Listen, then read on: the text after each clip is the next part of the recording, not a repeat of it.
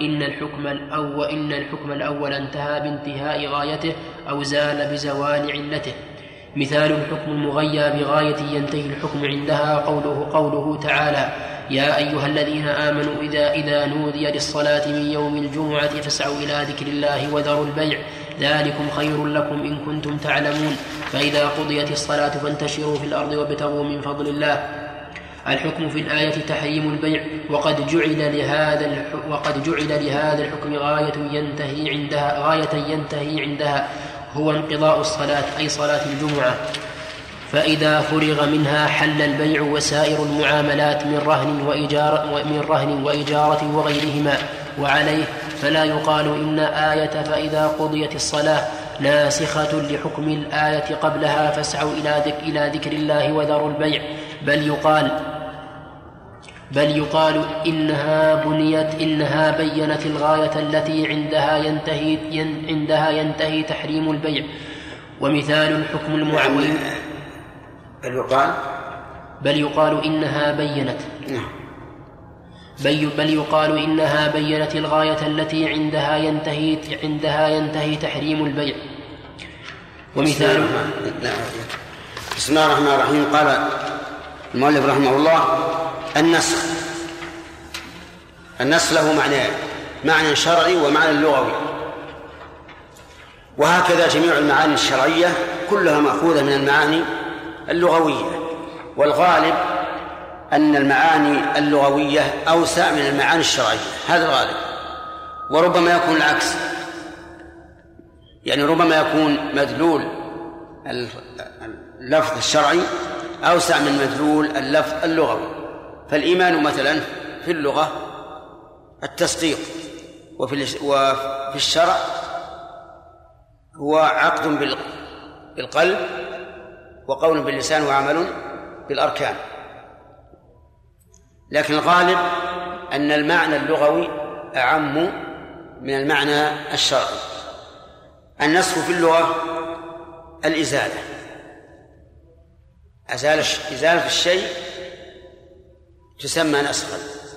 ومنه قولهم آه، نسخت الشمس الظل إذا أزالته.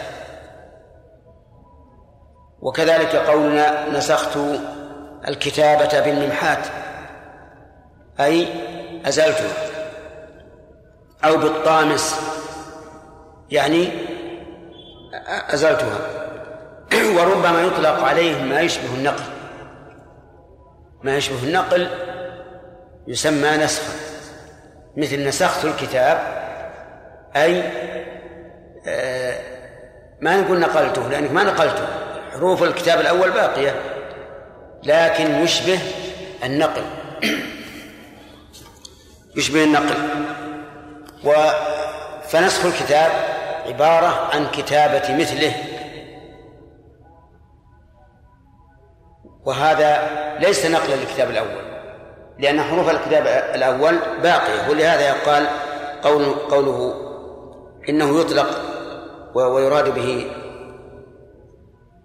نعم ونسخت الكتاب إذا نقلت ما إذا نقلت ما فيه إلى آخر طبق ما كان في الأول. هذا فيه تسامح لأنك لم تنقل ما فيه وإنما كتبت إيش؟ ما يماثله ويشبهه أو ما يطابقه. على كل حال هذا المعنى يدور على إزالة الشيء أو نقله أو ما أشبه ذلك. أما في الشرع فيقول رفع الحكم الشرعي الثابت بدليل شرعي. رفعه بماذا؟ بدليل آخر متأخر عن الأول على وجه لولاه لكان الحكم الأول ثابتا معه.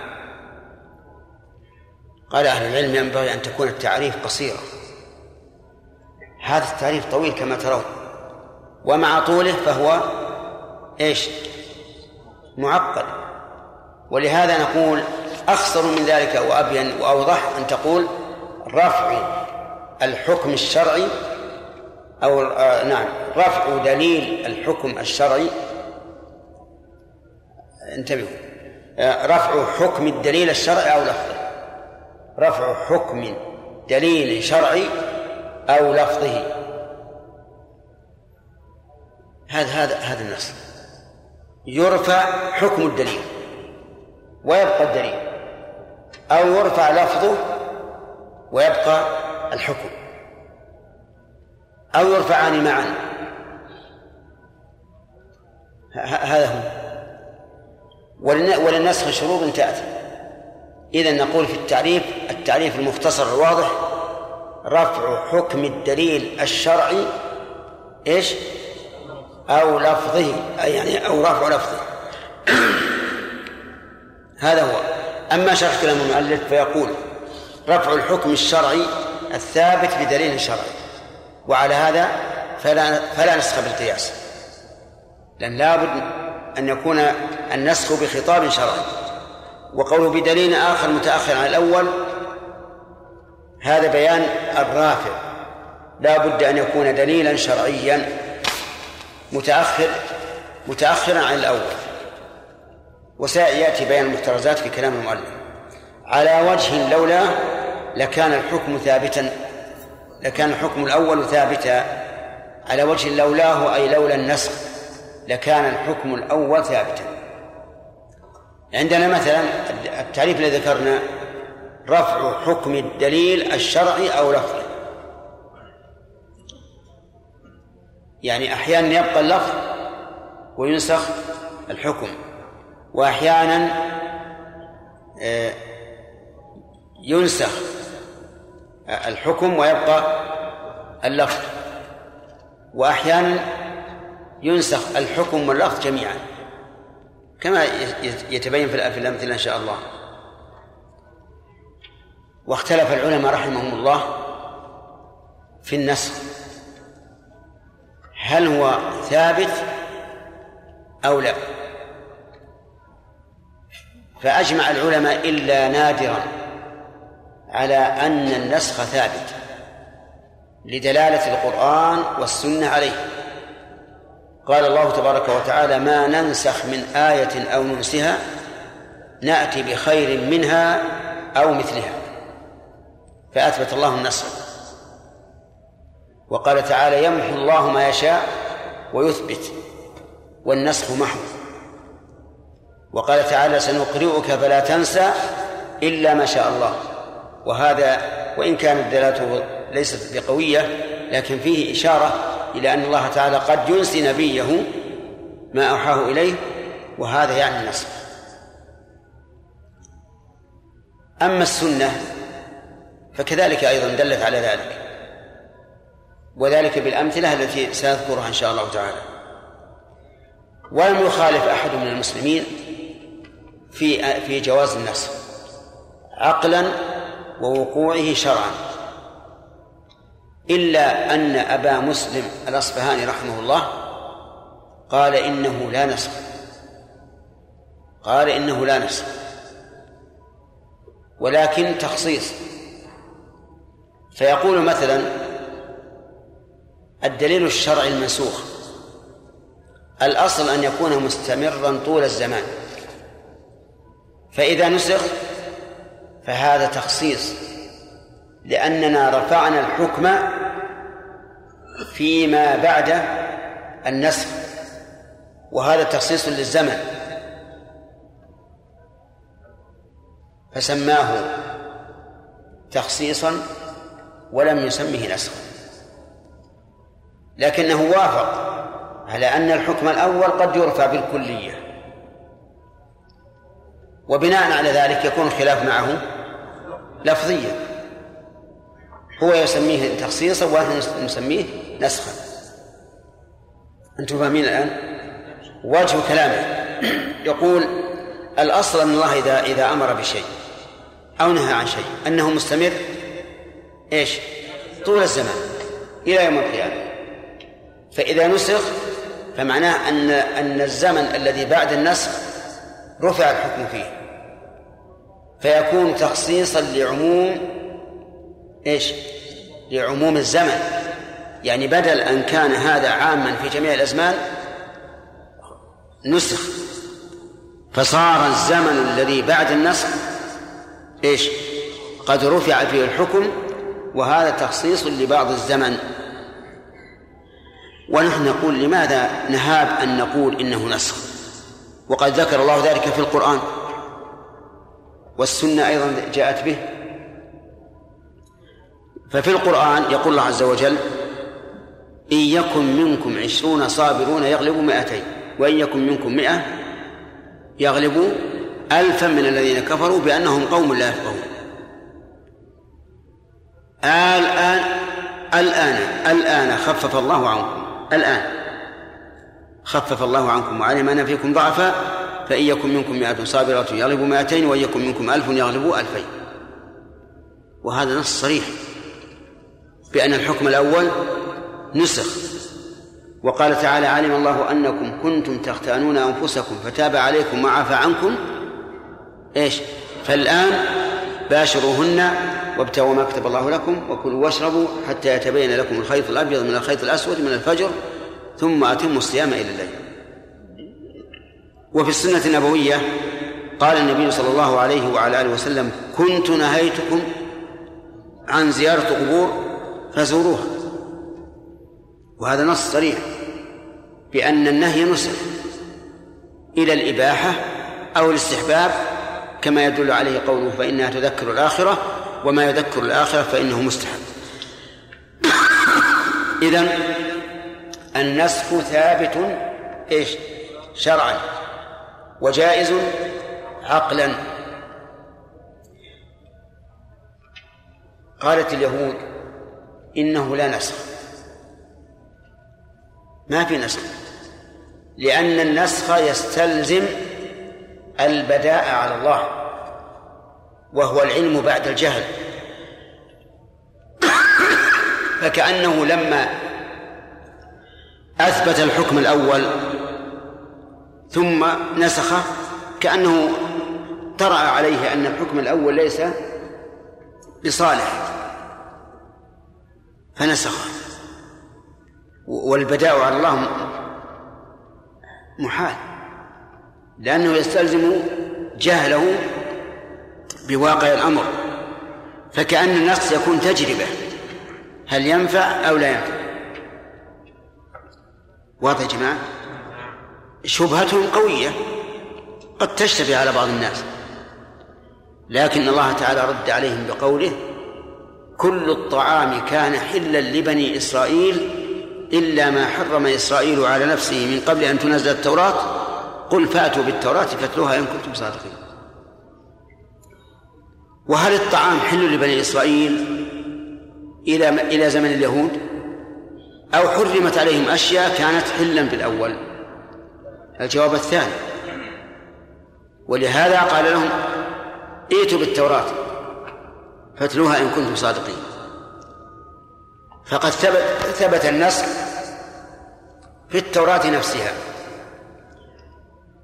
ثم إنهم بنوا على هذه القاعدة الخبيثة أنهم لا يؤمنون بالرسل الذين جاءوا بعد موسى. إذا كانت شريعتهم تخالف شريعة موسى. قالوا لأن هذا نسخ للشريعة السابقة وهذا لا لا يجوز. ونحن نرد عليهم بكل سهولة. نقول أليست شريعة موسى ناسخة لما سبقها من من شرائع بني إسرائيل؟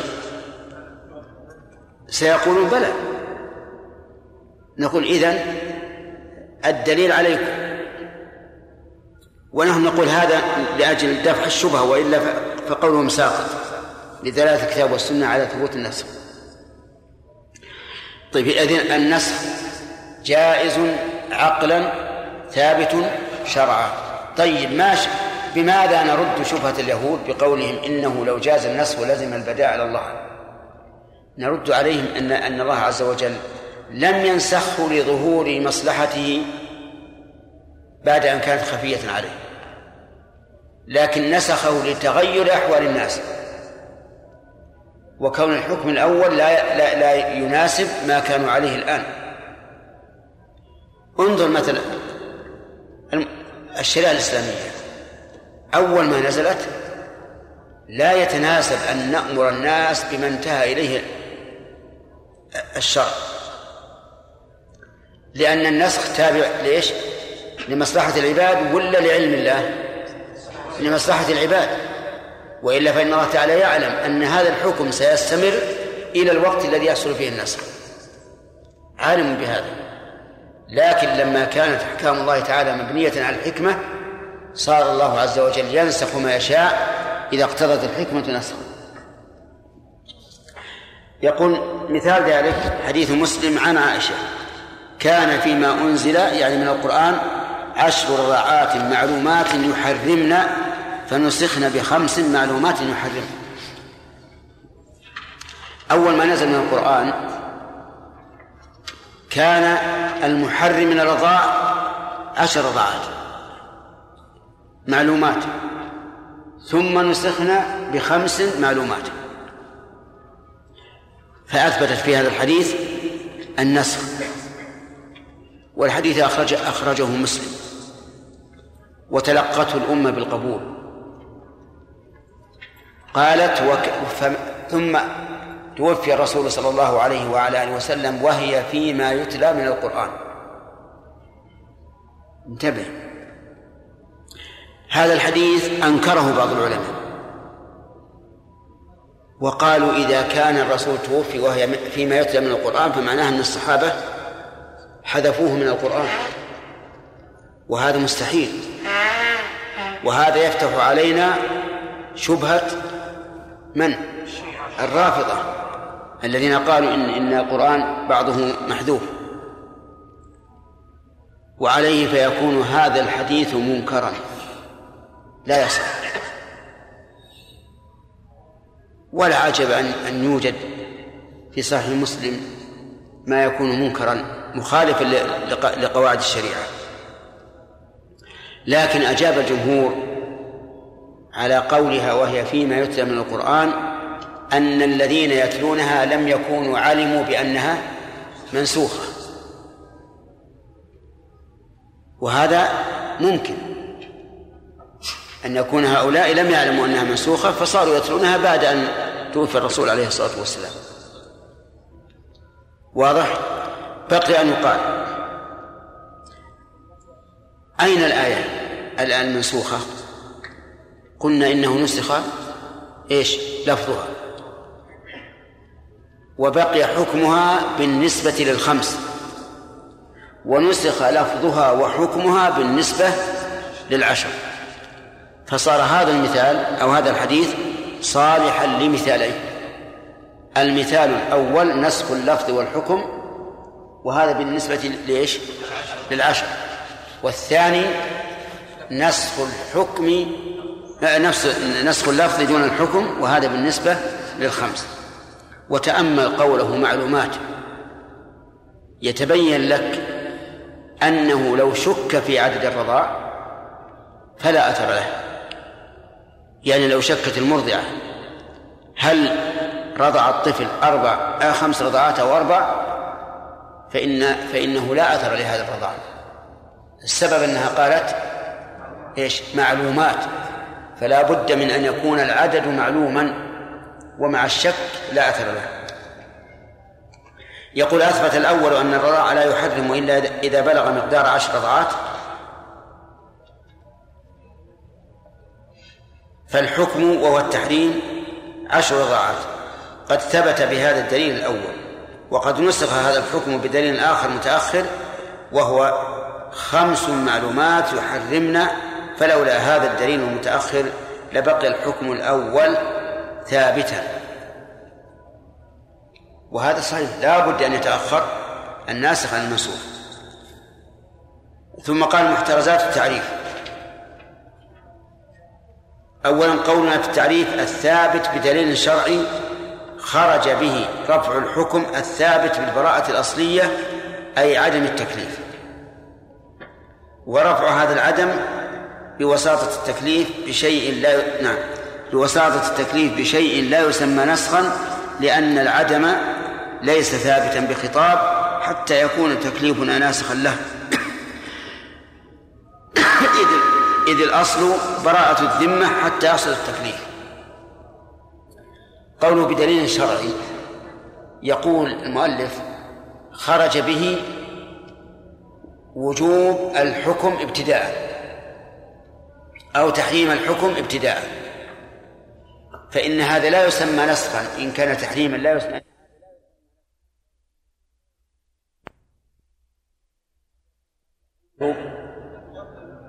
تحريم الزنا هل يكون ناسخا لعدم التحريم؟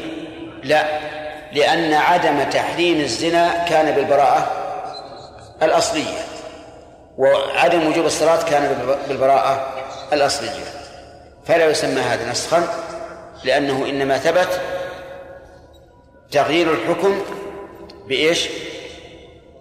بماذا؟ بالبراءة الأصلية. كذلك شرب الخمر وهذا أحسن من من تمثيلنا بالزنا شرب الخمر كان حلالا. لكن هل هو بالبراءة الأصلية أو لا؟ الصحيح أنه ليس بالبراءة الأصلية بل بالحكم الشرعي. لقول الله تبارك وتعالى ومن ثمرات النخيل والأعناب تتخذون منه سكرا ورزقا حسنا. طيب. إذن خرج بقولنا الثابت بدليل شرعي ما ثبت بالبراءة الأصلية ثم أوجب أو حرم فإنه لا يقال إن هذا الإيجاب نسخ لما سبق أو هذا التحريم نسخ لما سبق. وقولنا بدليل شرعي آخر يخرج رفعه بالموت.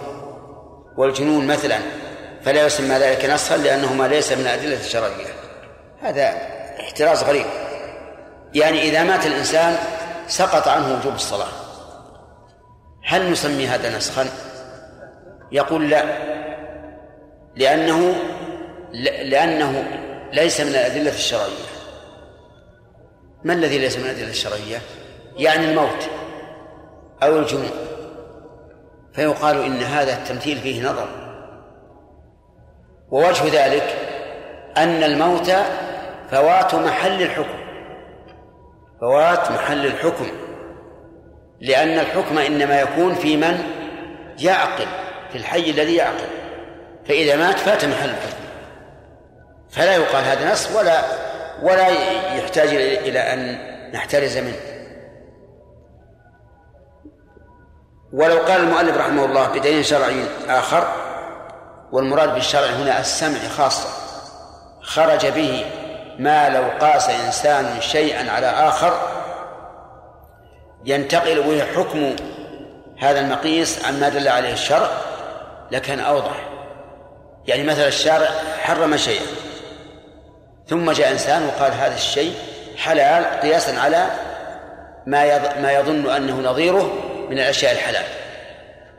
فيمكن أن يقال القياس لا لا, لا ينسخ به فالذي ينبغي أن يقال خرج بقولنا بدليل شرعي ما ما كان بالقياس. فإن القياس لا ينسخ به. لأنه لا قياس في مقابلة النص. وخرج بقولنا على وجه لولاه ما لو كان الخطاب الأول معللا بعلة. أو ذكرت فيه غاية ينتهي الحكم عندها وصرح الخطاب الثاني بما يدل على تلك العلة أو هذه الغاية فإنه لا يسمى ذلك نسخا بل يقال إن الحكم الأول انتهى بانتهاء غايته أو زال بزوال علته. مثال ذلك فيما علق الحكم فيه بعلة. قول النبي صلى الله عليه وسلم إذا كنتم ثلاثة فلا يتناجى اثنان دون الثالث من أجل أن ذلك يحزنه. لو كان هذا الحديث لا يحزنه. لأنه واثق من نفسه ويعرف أن هؤلاء أن هذين المتناجيين لا يساوي لا يساويان شيئا. فهل ينهى عن تناجيهما؟ لا. لماذا؟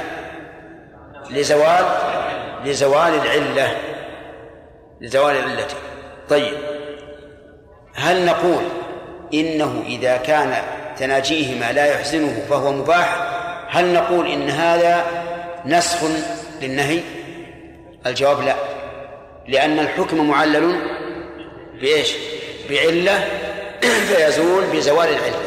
وزوال الحكم بعلته ليس بنسخ. لأن الحكم معلق على هذه العلة. كذلك أيضا إذا كان الحكم معلقا بغاية. ولا تحلقوا رؤوسكم حتى يبلغ الهدي محله. بلغ الهدي محله. نحلق الرؤوس؟ هل إباحة حلق الرؤوس بعد بلوغ الهدي محله؟ هل هو نسخ لماذا؟ لأن الأول مغيم بغاية. إذا انتهت ارتفع الحكم. ومثل المؤلف بمثال آخر وهو قوله يا قوله تعالى يا أيها الذين آمنوا إذا نودي للصلاة من يوم الجمعة فاسعوا إلى ذكر الله وذروا البيع ذلكم خير لكم إن كنتم تعلمون. فإذا قضت الصلاة فانتشروا في الأرض وابتغوا من فضل الله واذكروا الله كثيرا لعلكم تفلحون. قال الحكم في الآية تحريم البيع. وقد جعل لهذا الحكم غاية ينتهي عندها هو انقضاء الصلاة. صلاة الجمعة. أين الغاية في الآية؟ لا دعنا من قضيت هو جعل الحكم الأول مغيم بالغاية وهو انتهاء الصلاة. هذا لا نفهم أنه مغيم بالغاية إلا إذا علمنا العلة في ترك في وجوب ترك البيع عند نداء الجمعة. ما هي العلة؟ لأن لا ينشغل عن الصلاة. فإذا علمنا ذلك فنقول إذا انتهت الصلاة زالت العلة. ولهذا لو جعل هذا من من, من القسم الأول وهو ما علل بعلة ينتهي عند زوالها لكان أوجه. لكن المؤلف حله على وجه آخر ولا ولا مانع إن شاء الله. يقول فإذا فرغ منها حل البيع وسائر المعاملات من رهن وإجارة وغيرهما وعليه فلا يقال إن آية فإذا قضت الصلاة ناسخة لحكم الآية قبلها فاسعوا إلى ذكر الله وذروا البيع. بل يقال إنها بينت الغاية التي عندها ينتهي تحريم البيع. ومثال نعم. ثم آه، ممكن أن نقول المثال الذي ذكرناه أوضح وهو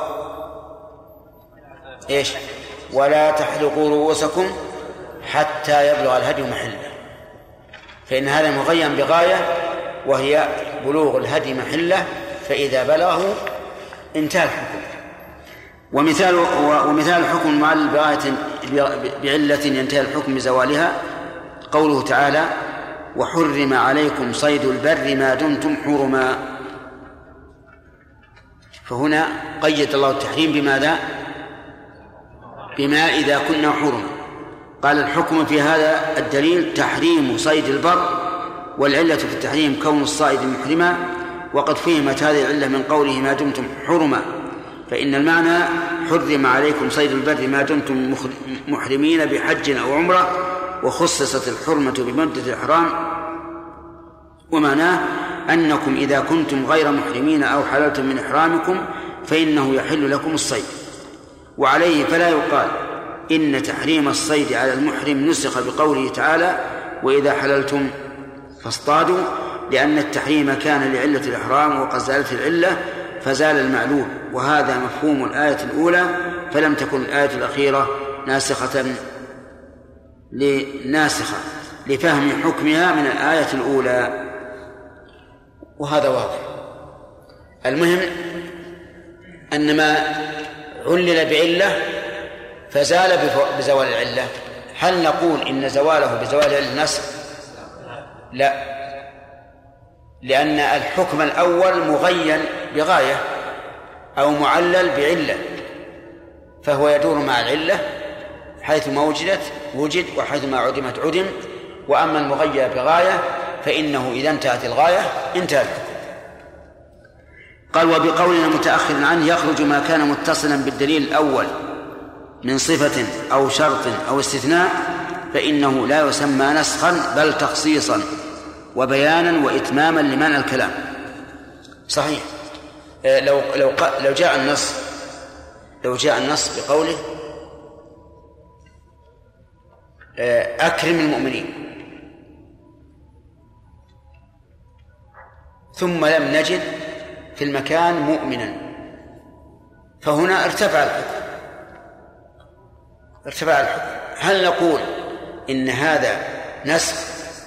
لا لأن الحكم لم يثبت أصلا إلا بقيد ولم يوجد هذا القيد. وذكر له أمثلة. مثال الاتصال في الاستثناء قوله تعالى في في في القذفة ولا تقبلوا لهم شهادة أبدا وأولئك هم الفاسقون إلا الذين تابوا. فحرمة قبول شهادة الذمة آه نعم. فحرمة قبول شهادة القذفة والحكم عليهم بالفسق مستمر إلى إلى التوبة. مستمران نعم. مستمران إلى التوبة فإن تابوا قبلت شهادتهم على قول وبطل الحكم بفسقهم. على قول وهو الصحيح ما في إشكال. الآية التي أشار إليها هي قوله تعالى والذين يرمون المحصنات ثم لم يأتوا بأربعة شهداء فجلوهم ثمانين جلدة ولا تقبلوا لهم شهادة أبدا وأولئك هم الفاسقون. هذه ثلاثة أحكام. جلدهم ثمانين. والثاني عدم قبول شهادتهم. والثالث الحكم عليهم بالفسق ثم قال إلا الذين تابوا. فقوله إلا الذين تابوا عائد إلى قوله وأولئك هم الفاسقون. فإذا تابوا ارتفع عنهم وصف الفسق. وهذا لا إشكال فيه. لكن هل يعود الاستثناء إلى ما قبلها؟ وهو قوله ولا تقبل لهم شهادة أبدا. في هذا خلاف. منهم من قال إنه يعود وبناء على ذلك فإذا تاب وبناء على ذلك إذا تاب القاذف فإن توب فإن شهادته تقبل. ومنهم من قال لا. إن الاستثناء يعود على آخر جملة. أما الجملة الأولى وهي قوله فاجلدوهم ثمانية جلدة فإنها لا تسقط بتوبتهم لأنها حق آدمي. فلا تسقط. فهذه ثلاث جمل الجملة الأولى لا تسقط بالاتفاق والثانية تسقط الثالثة تسقط بالاتفاق والثانية موضع خلاف والصحيح أنها تسقط أنه إذا تاب قبل الشهادة. ولا يقال إن قوله ولا يقال عندكم إن ولا أن؟ إن قوله لأنه مقول القول إن قوله إلا الذين تابوا ناسخ للحكمين المتقدمين وذلك لاتصاله وعدم تراخيه. ومثل اقتلوا المشركين إذا كانوا محاربين. هذا شرط. وهو تخصيص أو نسخ. تخصيص. وكذلك لا تقتلوا المشركين المحاربين فلا يقال إن الشرط في الأولى والصفة في الثانية من قبيل النسخ. لأنها متصلة ويسمى ذلك تخصيصا. واعلم أن بعض المتقدمين يسمون التخصيص نسخا. ولهذا تجد في عبارات السابقين هذا منسوخ. وإذا تأملت وجدت أنه أنه مخصوص. وإذا فإذا قال قائل ما وجه ذلك؟ قلنا لأن التخصيص نسخ للتعميم. فلذلك أطلق السلف عليه اسم النسخ. نعم. تعريف الناسخ تعريف الناسخ هو الخطاب المتأخر الدال على رفع الحكم الثابت بخطاب متقدم على وجه لولاه لكان الحكم الأول ثابتا. ومن هذا التعريف يعرف الفرق بين الناسخ والنسخ. نعم. لأن الناسخ يطلق على معنيين. المعنى الأول الله عز وجل. فيقال إن الله نسخ الحكم. أو الرسول عليه الصلاة والسلام. ويطلق على الدليل الذي حصل به النسخ. فيقال هذه الآية ناسخة للآية الآية الفلانية. وهذا الحديث ناسخ للحديث الفلاني. أما النسخ فهو فعل الناسخ وهذا فيما فيما إذا أضيف النسخ إلى الله عز وجل أو إلى الرسول صلى الله عليه وسلم. نعم. فيما يكون النسخ. يكون النسخ في الأحكام الشرعية الفرعية المتعلقة بأفعال المكلفين والمستنبطة من الأدلة. ولم يلحق هذه ولم يلحق هذا ولم يلحق هذه ولم يلحق هذه الأدلة تأبيد مثل الجهاد ماض إلى يوم القيامة ولا توقيت مثل ثم أتموا الصيام إلى الليل فاغسلوا وجوهكم وأيديكم إلى المرافق. أما الأحكام المتعلقة المتعلقة بالعقائد فلا يتأتى فيها النسخ مثل وحدانية الله سبحانه وكذلك الأخبار عن الأمور المغيبة والماضية والحاضرة. مثل فسجد الملائكة كلهم أجمعون. وهكذا كل ما يؤدي نسخه إلى كذب أو جهل بخلاف الأخ بخلاف الإخبار عن بخلاف الإخ... الإخبار نعم. بخلاف الإخبار عن حل شيء وحرمته. نعم. آه النسخ ما ما محله؟ يعني ما هو الشيء الذي يكون فيه النسخ؟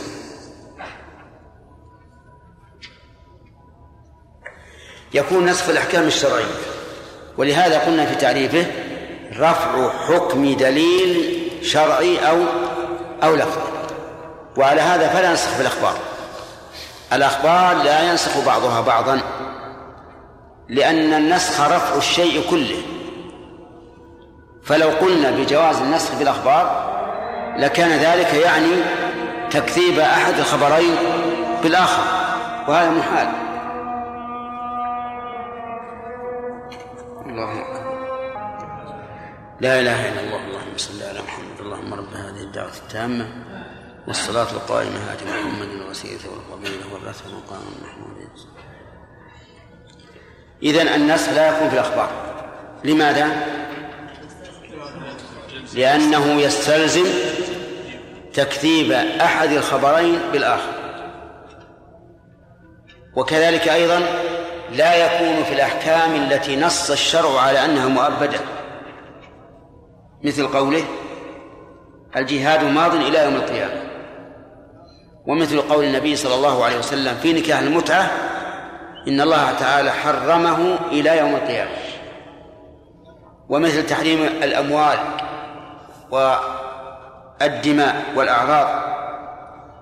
قال فهي حرام إلى يوم القيامة. فالمهم أن ما ذكر من الأحكام الشرعية أنه ينتهي بيوم القيامة فهذا لا يمكن نسخه لأن لو لو فرضنا جواز النسخ لكان قوله إلى يوم القيامة إيش؟ كذبا والكذب محال في خبر الله ورسوله إذا يشترط الذي يقع في النسخ الخبر الثاني الحكم بشرط أن لا يكون إيه غايته يوم القيامة. طيب. العقائد. ما يتعلق بالله عز وجل وأسمائه وصفاته. هل يلحقه النسخ؟ لا. لماذا؟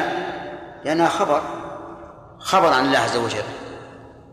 فلا يمكن أن يلحقها النسخ فمثل لا إله إلا الله لا يمكن أن تنسخ أبدا.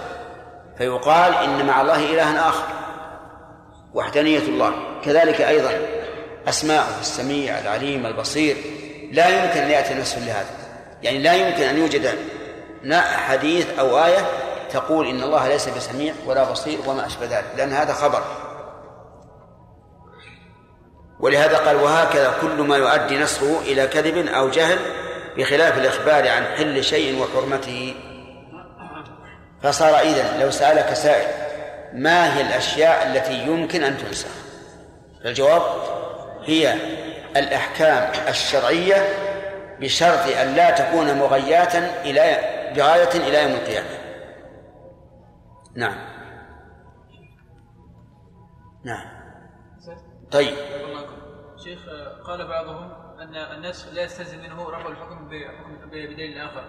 يعني قالوا أهل البدعة قالوا يعني حتى يعني إزالة الشيء كالمحي هو نسخ كما يعني قالوا بنسخ دعاء الخروج. قالوا هذا نسخ. يعني لهذا يعني أبطل كثير من الأحكام الذي لا تعجبهم قالوا هذه أيضا منسوخة بالمحي هذا بيجينا إن شاء الله. نعم. الشروط المجوزة للنسخ. شروط النسخ أربعة.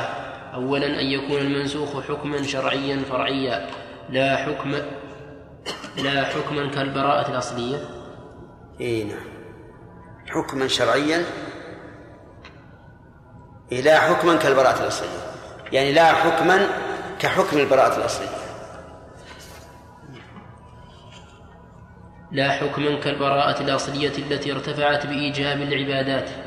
ثانيا أن يكون النسخ بخطاب ودليل شرعي وارتفاعه بموت المكلف وجنونه ليس نسخا. إذ, إذ ليس المزيل حينئذ خطابا رافعا لحكم لحكم خطاب سابق. ثالثا ألا يكون الخطاب المرفوع حكمه مقيدا بوقت يقتضي دخوله يقتضي دخوله زوال الحكم زوال الحكم أو مؤبدا. ومثاله قد تقدم. مثالهما. نعم ومثاله ما قد تقدم. رابعا أن يكون الخطاب الناسخ متراخيا لا مثل لا مثل قوله تعالى ولا تقربوهن حتى يطهرن. وهذه الشروط الأربعة للنسخ تفهم من تعريفي من من تعريفي الناسخ والمنسوخ. على كل هذه الشروط هذه مستفادة من؟ مما سبق من التعريف. لكن الشروط الحقيقية التي يجب أن تذكر هي يشترط للقول بالنص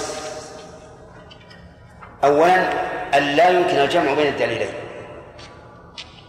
فإن أمكن الجمع بين الدليلين فلا نص لأنك لو حكمت بالنسخ مع إمكان الجمع بين الدليلين لازم من ذلك إبطال حكم شرعي مع إمكان ثبوته.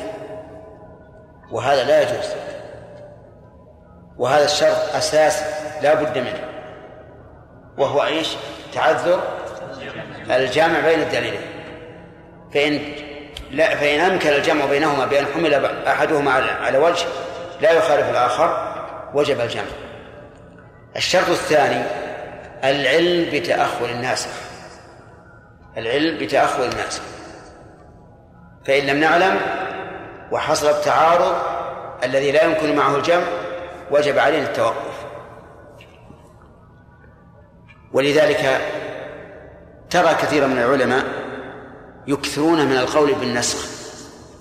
يكثرون من القول بالنسخ. إما لعدم قدرتهم على إمكان الجمع لعدم قدرتهم على الجمع.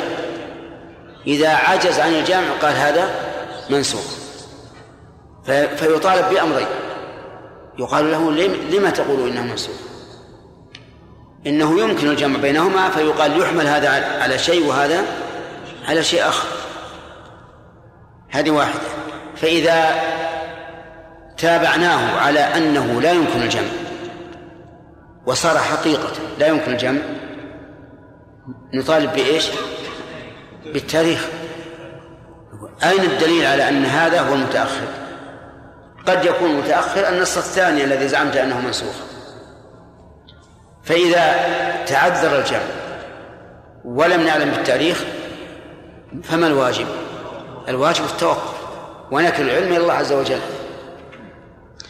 طيب وهنا أسئلة هل هل يكون من العلم بالتاريخ أن يكون أحد الدليلين راويه متأخر متأخر الإسلام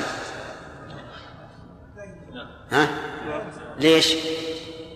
لأنه ربما يكون هذا الراوي نقله عن صحابي آخر فمثلا لو روى ابن عباس رضي الله عنه حديثا عن النبي عليه الصلاة والسلام كان قبل أن أن يدرك ويميز. فهل نقول إن هذا الحديث الذي رواه ابن عباس يلزم أن يكون متأخرا؟ ولا لا؟ لا يلزم. وذلك لأن الصحابي قد ينقله عن عن غيره عن صحابي آخر. غيره. وقد يكون الرسول نفسه هو الذي حدثه. المهم أن أن شرط النسخ شرطان. إيش؟ تعذر الجامع بين الدليلين. والثاني أن يكون أن نعلم بالتاريخ. فيكون المتأخر ناسخا. هل يشترط أن يكون الناسخ أقوى من المنسوخ؟ لا الصحيح لا يشترط. ولهذا نقول إنه يجوز أن تنسخ السنة المتواترة بخبر الآحاد إذا كان صحيحا. ويجوز أن ينس أن ينسخ القرآن بالسنة إذا كانت السنة صحيحة. نعم. أركان النسخ. ألف ناسخ وهو الدليل المتأخر الدال على رفع الله للحكم. باء منسوخ وهو الحكم المرفوع جيم ومنسوخ عنه وهو العبد المكلف.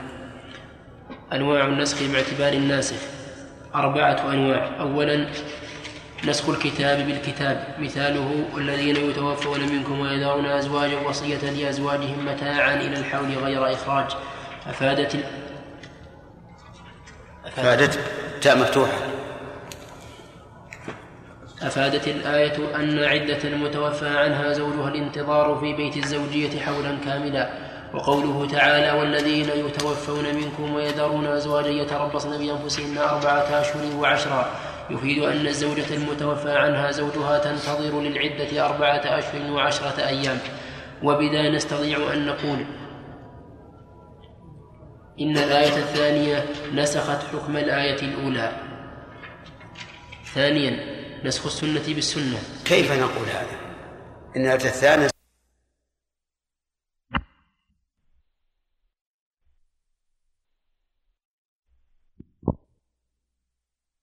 نسخ الأولى. الثاني نعم. أن الآية الأولى التي ذكرها هي الأولى ناسخة للثانية لأن قوله والذين يتوفون منكم ويذرون أزواجا يتربصن بأنفسهن نعم يذرون أزواجا وصية لأزواجهم. هذه بعد قوله يتربصن بأنفسهن أربعة أشهر وعشر. أليس كذلك يا؟ نعم. ولهذا أورد على أمير المؤمنين عثمان رضي الله عنه قال كيف تجعلون آية والذين يتوفون منكم ويذرون أزواجا يتربصن بأنفسهن أربعة أشهر وعشر؟ قبل آية والذين يتوفون منكم ويذرون أزواجا وصية لأزواجهم. مع أن الآية الثانية بعدها فأجاب رضي الله عنه بأن هذا عمدته النقل. عمدته النقل. وكان الرسول عليه الصلاة والسلام إذا نزلت الآية يقول ضعوا هذه الآية في مكان كذا من سورة كذا. وإلا لو نظرنا إلى سياق الآيتين فقط لقلنا إن آية الحول إيش؟ ناسخ لآية الأشهر الأربعة وعشرة أيام. لكن حديث عثمان رضي الله عنه الذي أشرت إليه يدل على أن آية الأشهر الأربعة متأخرة عن آية الحول فتكون ناسخة. نعم. ثانيا نسخ السنة بالسنة. مثاله ما ورد في حديث مسلم كنت نهيتكم عن زيارة القبور فزوروها. فهذا ناسخ لمنع الرجال من زيارة القبور. فهذا ناسخ لمنع الرجال من زيارة القبور تحريما أو كراهة إلى ندب زيارتها لهم. أما زيارة النساء أما زيارة النساء لها فالصحيح الكراهة إذا قال قائل إلى ندب إلى ندب زيارتها لهم من أين أخذناها؟ من قوله فإنها تذكر الموت. وفي لفظ تذكر الآخرة. ومعلوم أن ما يذكر الموت أو الآخرة موعظة. وينبغي الإنسان أن يتخذ المواعظ. نعم. ثالثا نسخ السنة بالكتاب. وقول أما زيارة القبور فالصحيح الكراهة بل نقول الصحيح التحريم. وأنه من كبائر الذنوب.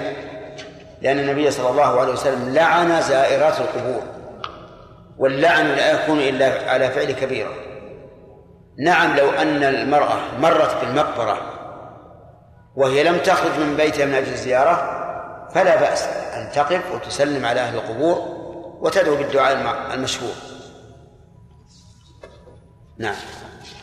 ثالثا نسخ السنة بالكتاب. مثاله استقبال بيت المقدس في الصلاة الثابت بالسنة الفعلية. فإنه ثابت في الصحيحين أن النبي صلى الله عليه وسلم استقبله ستة عشر شهرا ثم نسخ هذا بقوله تعالى قد نرى تقلب وجهك في السماء فلنولينك قبلة ترضاها فول وجهك شطر المسجد الحرام. نعم. بعض العلماء عارض في هذا المثال وقال إن النبي صلى الله عليه وسلم استقبل بيت المقدس لقوله تعالى أولئك الذين هدى الله فبهداهم اقتده. ولكن هذه المعارضة معارضة بأن قبلة الأنبياء هي الكعبة كما ذكر ذلك شيخ الإسلام رحمه الله. يقول ولم يثبت عن نبي أن قبلته كانت إلى بيت المقدس لكن هذا من تصرف أتباع الأنبياء. لقول الله تبارك وتعالى إن أول بيت وضع للناس للذي بمكة. وعلى هذا فيكون الرسول عليه الصلاة والسلام في استقباله بيت المقدس أول ما قدم المدينة ليس مبنيا على نص لكنه رأى عليه الصلاة والسلام أنه قدم إلى قوم يتدينون بزعمهم بدين اليهود يتجهون إلى بيت المقدس ففعل. مع أنه كان يحب ان أن يصرف عنه.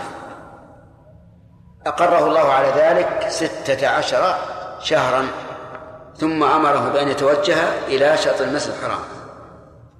نعم. قوله تعالى وما جعلنا التي كنت عليها. نعم. نعم. القبلة التي كنت عليها. يعني ما ما صيرناها لك.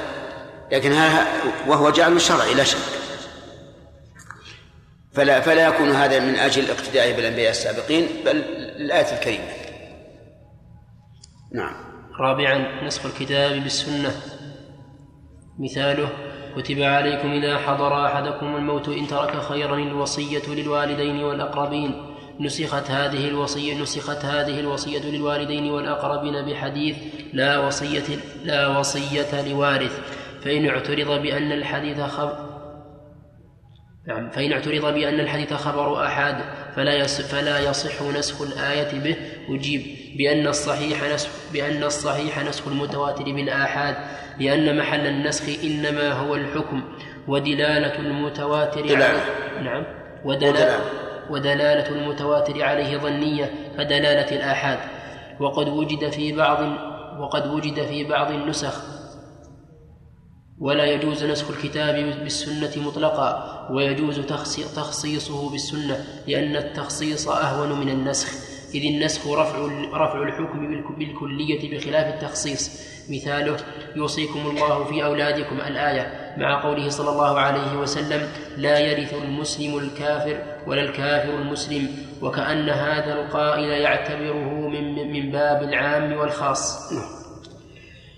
الواقع أن هذا هذا المثال لا, لا يعترض عليه من قبل أنه آحاد والقرآن متواتر. يعترض عليه من حيث إنه مبين للناس بدليل قوله صلى الله عليه وعلى آله وسلم إن الله أعطى كل ذي حق حقه فلا وصية لوارث والمؤلف ما جاء لم يأتي بأول الحديث. والحديث إذا قرأته إن الله أعطى كل ذي حق حقه فلا وصية لوارث. عرفت أن هذا من باب نسخ القرآن بالقرآن. وليس من باب نسخ القرآن بالسنة. لأن قوله إذا حضر أحدكم الموت إن ترك خيرا الوصية للولدين والأقربين. شوف كتب عليكم بمعنى فرض عليكم. إذا حضر أحدكم الموت يعني إذا كنتم في آخر حياتكم كالمريض. إن ترك خيرا أي المال الكثير. الوصية نائب فاعل. لمن؟ للوالدين والأقربين. بالمعروف حقا على المتقين. فتأمل هذه الآية. أكد فيها هذا الوجوب بثلاثة مؤكدات. أولا كتب عليكم. والثاني حقا. والثالث على المتقين. وهذا يقتضي أن هذه الوصية من من لوازم التقوى. هذه الآية أولا اختلف العلماء هل هي محكمة أو منسوخة. فقيل إنها محكمة. إنها محكمة. ولكنها مخصصة لا منسوخة. كيف ذلك؟ الآية فيها الوصية للوالدين ومن والأقربين. فإذا كان هناك ورثة فالوارث لا يوصى له. دليل هذا قول النبي صلى الله عليه وعلى آله وسلم إن الله أعطى كل ذي حق حقه فلا وصية لوارث وعلى هذا فتكون آيات المواريث مخصصة للآية لا ناسخة لها لأنه خرج منها من قوله والأقربين خرج من لم إيش؟ لا خرج من يرث من الأقربين وبقي من لم يرث على حكم الأصل ولهذا كان القول الراجح وهو قول ابن عباس رضي الله عنهما القول الراجح أن الوصية لغير الوارثين من الأقارب واجبة ولكن شرط الله تعالى إن ترك خيرا بأن ترك مالا كثيرا لا لا تضيق التركة عن الورثة إذا أوصى به. وأما الإنسان اللي حاله يعني يعتبر من أوساط الناس فلا يجب عليه لأنه لم يترك خيرا كثيرا. والخلاصة الآن هل هذه الآية منسوخة بحديث؟ أولا هل هي هل هي منسوخة أو مخصوصة؟ على القول الذي قررنا مخصوصة. وعلى رأي الكثيرين منسوخة. وهل هي منسوخة بحديث أو بآية؟ الصحيح أنها بآية والحديث لم ينسخها. بل الحديث مبين للناسخ والدليل أنه قال عليه الصلاة والسلام إن الله أعطى كل ذي حق حقه فلا وصية لوالده. فصار الكلام في الآية الآن هل هي منسوخة أو مخصوصة؟ لا لأن الجواب فيها خلاف فيها خلاف. الجمهور على أنها منسوخة والراجح أنها مخصوصة. طيب ثانيا إذا قلنا بأنها منسوخة فبماذا نسخت هل هي بالسنة أو بالقرآن؟ نقول بالقرآن قطعا.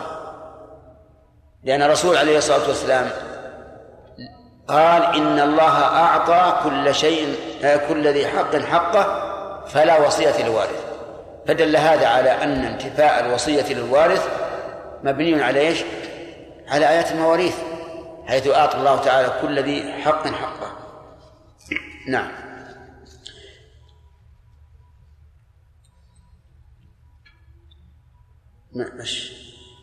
حكم نسخ الحكم؟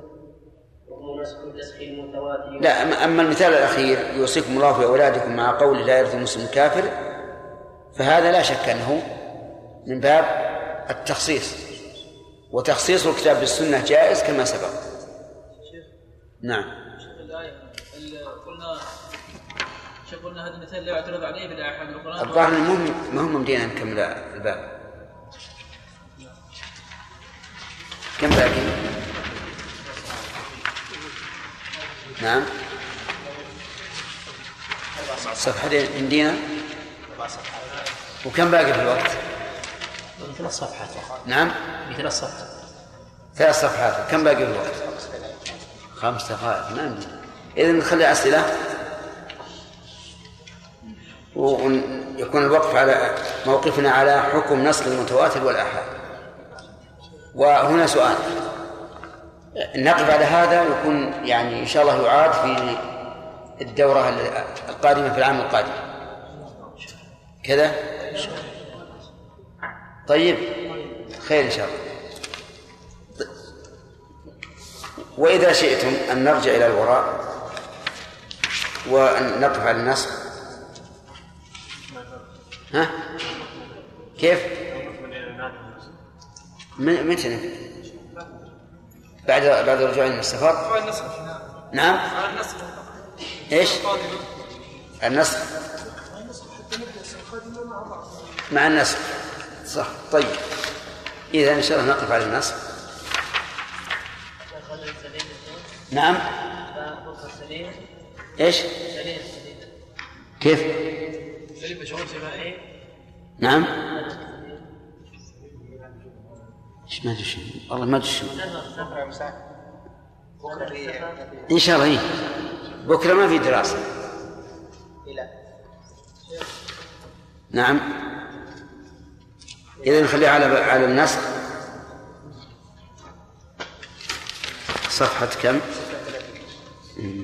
36 تختلف النسخ نعم.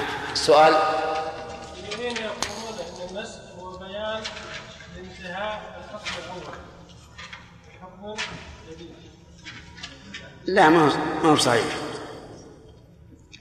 لأن هذا يشبه الحكم المغير. لأن النص لابد يرفع الحكم كله. يكون بدليل مستقل. وأما ما, ما, ما ذكر فهو يدخل فيه ما, كان مغين بغاية. نعم. إيش؟ نعم عرفا. المال كثير عرفا. ها؟ يعني مثلا أنا وأنت والجماعة كلهم الظاهر ما تركوا خير. ما تركون خير. نفق أمورهم محدودة. إي كبيره إن ترك خيرا. قال العلماء هذه خير نكره للتعظيم. ولولا هذا كما ما تحتاج إلى القيد لابد يكون خير. كل ذلك من أجل أن لا يضيق على الورثة. كما قال الرسول لسعد سعد رضي الله عنه كان ذو مال كثير. سعد بن أبي وقاص. واستأذن الرسول عليه الصلاة والسلام ان يوصي بالثلثين ثم بالنصف ثم بالثلث وقال له الثلث كثير. ثم علل قال إنك أن تذر ورثتك أغنياء خير من أن تذرهم يقول اذا كان أغنياء أيضا نعم. وحالة ليس كثير يوصي يوصي بالثلث على كل حال ال- ال- الآية ما في دليل على أنها منسوخة. وابن عباس رضي الله عنه أصاب. في أنها محكمة. ولهذا ينبغي الإنسان إذا أراد أن يحتاط لنفسه أن يكتب وصية بأني أوصيت لأقاربي غير الوارثين بكذا وكذا. ولو قليلا. مثلا بألفي ريال. ما لم يتجاوز الثلث. يكتب الإنسان هكذا وتبرأ ذمته نعم. شيخ ذكرنا في تعريف يعني الأوضح والافصح للنسب. هو رفع حكم الدليل الشرعي أو لفظي أو لفظي طيب ذكرنا أن القياس لا ينسخ. نعم. فين الاحتراز في التعريف؟ نعم. الدليل الشرعي إذا أطلق فهو الكتاب والسنة. رفع حكم دليل شرعي في إيش؟ حكم الدليل الشرعي. أو لفظي إيه أو لفظي إيه بدليل شرعي. ما لا يذكر. ما هو عندك؟ لا إيه. لا أو أو. بدليل شرعي لا بد منه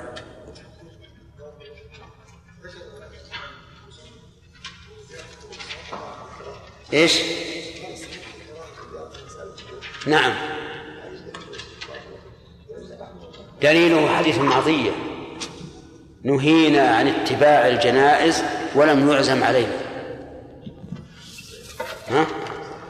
نهينا عن اتباع الجنائز ولم يعزم علينا. ها؟ صحيح. لكن هذا مو بزيارة القبور. هذا اتباع الجنائز. هذه العرائس يعني مثلا في حوش البيت. وإذا وضعها في حوش البيت فإنها لا تمنع من دخول الملائكة يعني في البيت. لا تمنع ولا تمنع؟ يقول إنها لا تمنع إذا وضعها في الحوش. إذا وضعت في حوش البيت. هل قوله هذا صحيح؟ حول الحوش من البيت. الظاهر إنه حوش من ضمن البيت. يعني